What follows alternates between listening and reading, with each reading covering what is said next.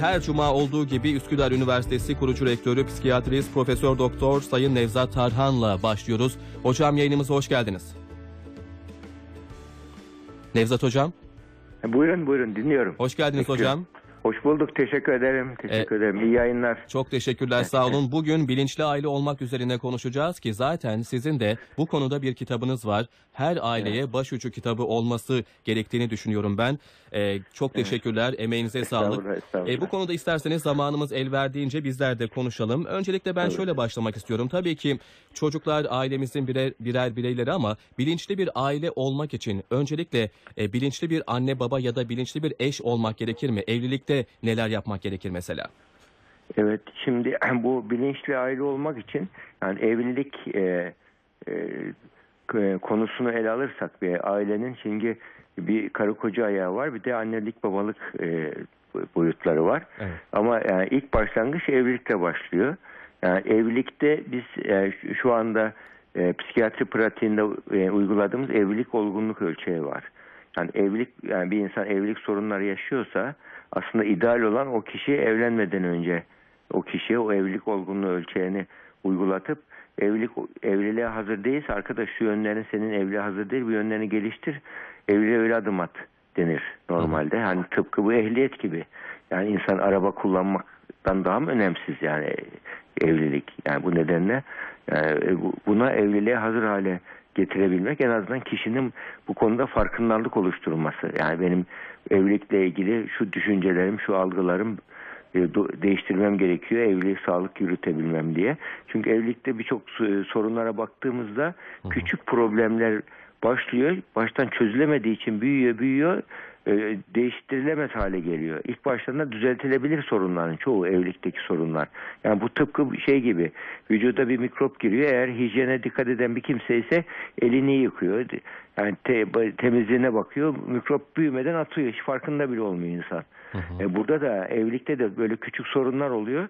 O sorunlara karşı psikolojik bir hijyen yani bir şeyimiz var. Yani kendimizi e, ruhsal e, hijyenimizi yapmıyorsak eğer kendimize o, o, e, ruhsal öz bakımımızı yapmıyorsak onun sonucunda da ufak bir hata başlıyor.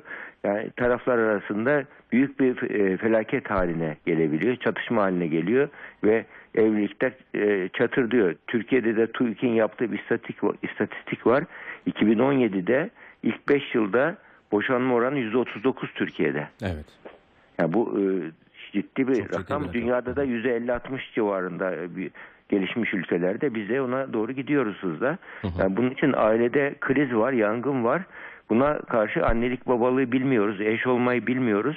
Bunu e, ele almak gerekir diye yani bilinçli aile olmak gerekir. Bilinçli anne, bilinçli baba, bilinçli eş olmak gerekir diye bu konuya vurgu yapma ihtiyacını hissettik. Yani bu so- toplumda bunun acısını çeken kişiler e, böyle e, harcanan evlilikleri, harcanan çocukları gördükçe yani bir, bir, burada bir, e, bir adımlar atılması gerekiyor. Bunun en güzel yöntemi de yani insanın kendini geniş geliştirmesi, bilinçlendirmesi. Hı hı.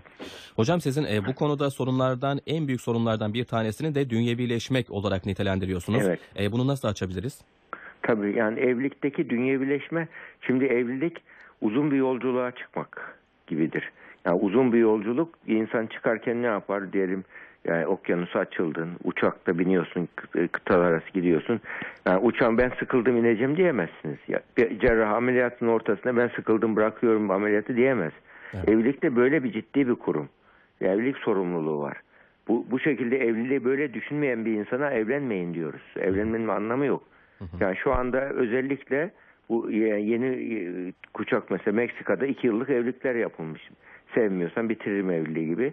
E bu evliliğin şeyine aykırı değil ki bu çocuklar kurban oluyor burada. Evet. Yani yani bir, bir annelik babalık güveni olmadan çocuk ancak 15-16 yaşında hatta 18 yaşında çocuk artık kendi gemisinin kaptanı olabiliyor. E bu yaşa kadar muhakkak e, anne baba desteği gerekiyor. Anne baba kılavuzlu olmadan çocuk yani bir yani ördek yavrusu değil ki sudan çıkınca yumurtadan çıkınca hemen yüzsün. Hı hı. İnsan ancak 10-15 senede olgunlaşıyor insan ve burada anne babanın e, fonksiyonu e, sadece çocuğun fiziksel ihtiyacını karşılamak değil. Evet. Onun hayatı tanımasını öğretmek.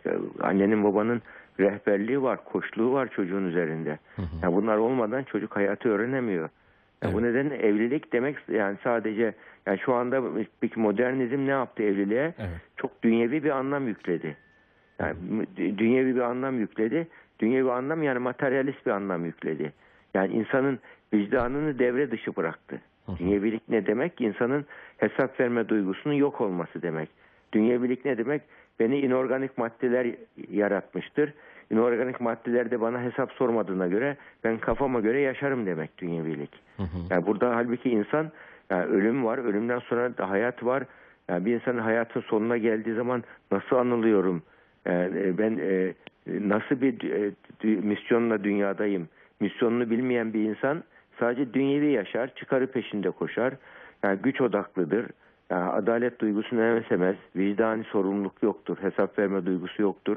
Yani bu nedenle dünyevilik bir insanın bu, bu çağın en büyük e, te- tehditlerinden, tehlikelerinden biridir. Gizli kötülük yapmaya itiyor dünyevilik.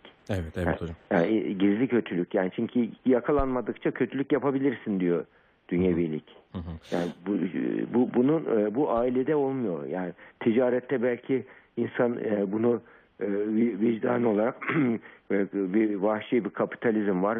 Güçlü zayıfı yer. Ben kimseye acımam diyebilir. Yani şu anda kapital sisteminin öğretisi bu maalesef. Hı hı. Yani ama bu ailede olmaz. Onun için de ailede de bunu uygulayınca, kapitalizmi ailede uygulayınca kapitalist ahlakı aileler çatır çatır dağılıyor şu anda. Peki hocam bu e, dağılma çocuklara nasıl sirayet ediyor? Bu dünyevileşme, bilinçsiz bir aile olma çocuklara nasıl sirayet ediyor? Onlarda ne gibi etkiler bırakıyor? Tabii mesela böyle seküler olan bir kimse Hı hı. yani eşi hasta oluyor. Mesela ben geçenlerde daha yeni yaşadığım bir örnek. Yani bir e, e, anne doğum yaparken çocuğunu doğumda felç oluyor anne. Hı hı. E, kocası diyor ki ya ben dünya bir defa geldim diyor. Anneyi de bırakıyor, çocuğu da bırakıyor, çekiyor gidiyor. Hı hı. Ve anneanne büyütüyor çocuğu. Felç'te anneyi de anneanne bakıyor. Yani Evet. Türkiye'de bir şekilde anneanne bunu kapatmış ama Batı'da ne diyor? Ben dünyaya bir defa geldim diyor. Böyle bir durumda bırakıyor eşini, boşanıyor. Evet. Ya burada ne oluyor? Şimdi bu yani dünyevi düşünen bir insan yani bütün hedonist oluyor, zevkçi oluyor. Zevki kutsallaştırıyor. Ha- Hayatın varoluşun amacı zevki peşinde koşmaktır diyor. Hı hı. Şöyle böyle bir insan zevkini engelleyen her şeyi tehdit görür. Hal- Halbuki çocuk zamanında ne yapar? Çocuk zamanında anneye babaya problem olur. Yani çocuğu bir yani topluma ben e, vatana, millete, insanlığa iyi bir çocuk yetiştiriyorum demez bu insan. Hı hı. Bana, bana çıkarı ne bu çocuğun der. Doğru. Çocuk ortaya geldiği zaman bana bir faydası yok ki bunun der. Çocuğunu bırakır. Ama insanlığa, vatana, millete e, bir, iyi bir çocuk yetiştirmekten daha iyi bir e, şey olur mu? Vizyon olur mu? Ama bu vizyonu değiştiriyor çünkü şey.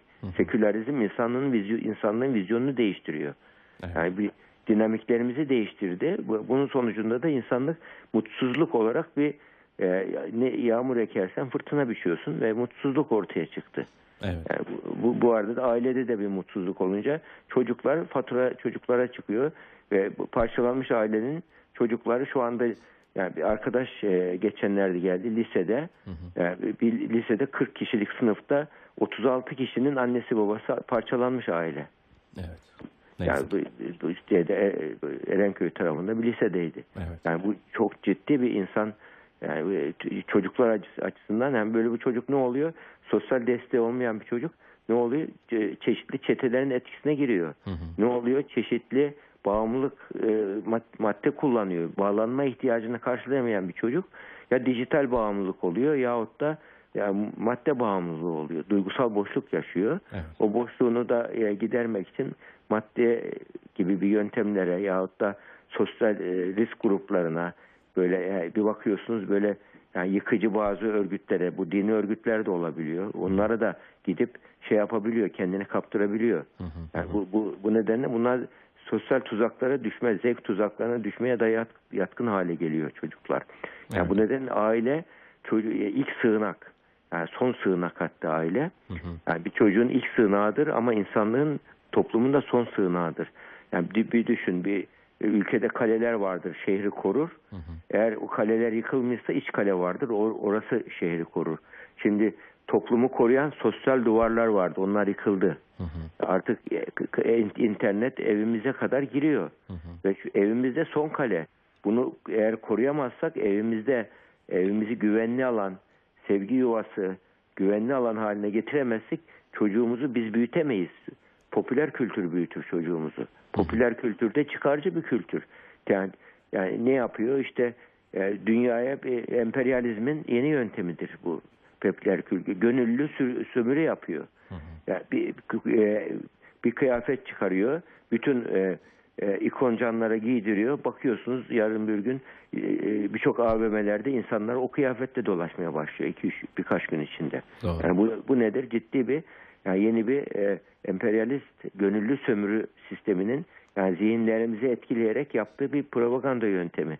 Yani bunun bu nedenle çocuklarımızı biz koruyabilmek için bununla ilgili farkındalık geliştirmemiz gerekiyor. Yani ki kendi kültürümüzü, değerlerimizi, inanç sistemimizi çocuklara aktarabilmek gerekiyor. Bunun için aile iyi en güzel örnek sıcak bir aile yuvası. Çocuk sıcak bir aile yuvası varsa hata yapıyor, yapıyor. Tekrar ailem annem babam haklıymış diye dönüyor.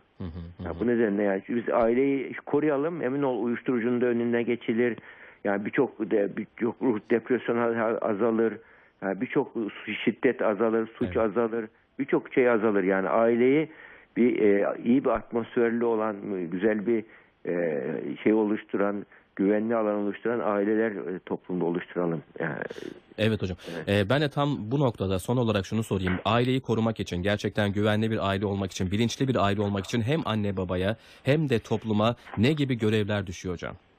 Tabii şimdi aileyi sarsan konulardan birisi de yani güvenli o- güvenli olması için korkunun olmaması lazım.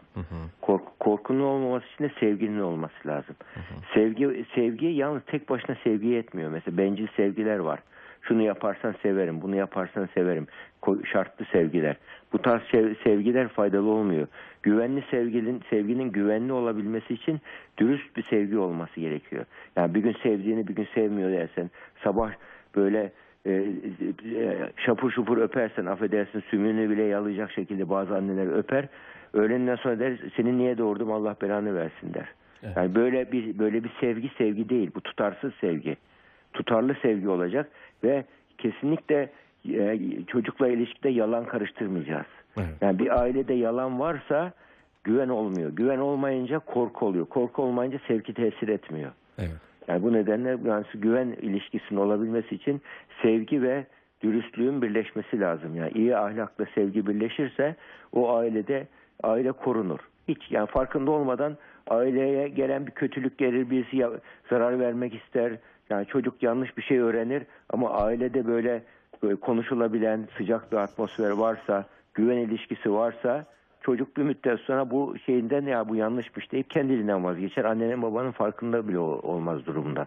Evet. Yani bunun için biz burada aileyi yani bir diyaloğun olduğu, paylaşımın olduğu, birlikte zamanın geçirildiği, takdir, övgü, onay sözlerinin çok kullanıldığı, bizim yaptığımız bir hatada çok eleştiri ediyoruz çocuklarımızı. Halbuki çocukların kusurlarını düzeltmenin yolu onu yüzüne vurmak değil, onun onun gerekçeleriyle birlikte onu düzeltmek. Evet. Yani çocuğu karşımıza almak değil, yanımıza alıp birlikte yürümek. Evet. Bunu yapabilirse ki bir aile daha sıcak, sevimli olur. Herkes mutlu olur. Yani burada kazan kazan ilişkisidir bu Evet. ailenin e, içerisinde. Evet hocam. Evet. Hocam çok teşekkürler. Sağ olun. Rica Ağzınıza rica sağlık. ederiz. Verdiğiniz Estağfurullah. bilgiler için. Oldu. Haftaya cuma Rica tekrar ederim. görüşmek üzere efendim. İnşallah, inşallah. Hoşçakalın iyi hocam, çok sağ olun. Rica ederim. Hoşçakalın. Üsküdar Üniversitesi kurucu rektörü, psikiyatrist, Profesör Doktor Sayın Nevzat Tarhan bizimle birlikteydi. Kendisiyle bilinçli aile olmak üzerine konuştuk.